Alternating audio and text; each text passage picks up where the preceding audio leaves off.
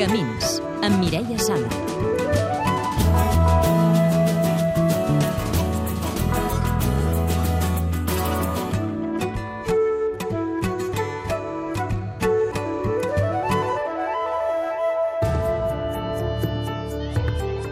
Tinc tendència suïcida.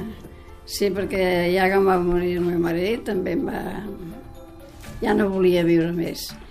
I ara, per últim, la meva filla li van detectar un càncer de mama i vinc a posar-li, vinc a posar-li coses noves que sortien, última hora per res.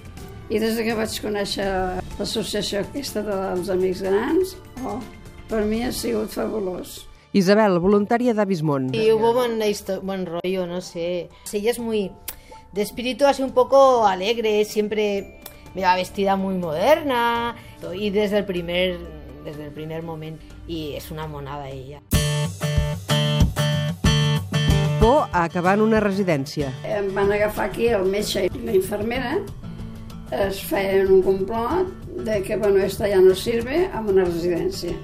Y un día me agafan y me dicen, diu, mira, Àngela, diu, tu, diu, has d'anar a residència. Jo, quan me diuen a la residència, se m'emporten els dimoris. Ella la agobió mucho eh, lo de la residencia, estuvimos semanas. Además, es lo que yo también pienso, ella más o menos se defiende, está bastante bien de la cabeza, se puede, se hace un poco de comida.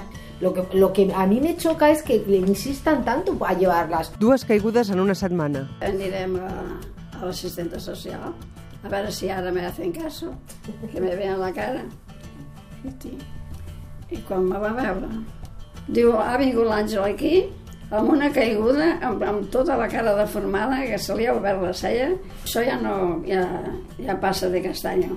Fem una altra sol·licitud, a veure si li donen la dependència, i, i ahir me van trucar de la Generalitat i, i me van dir que el dimarts vindran a, fer a valorar-me.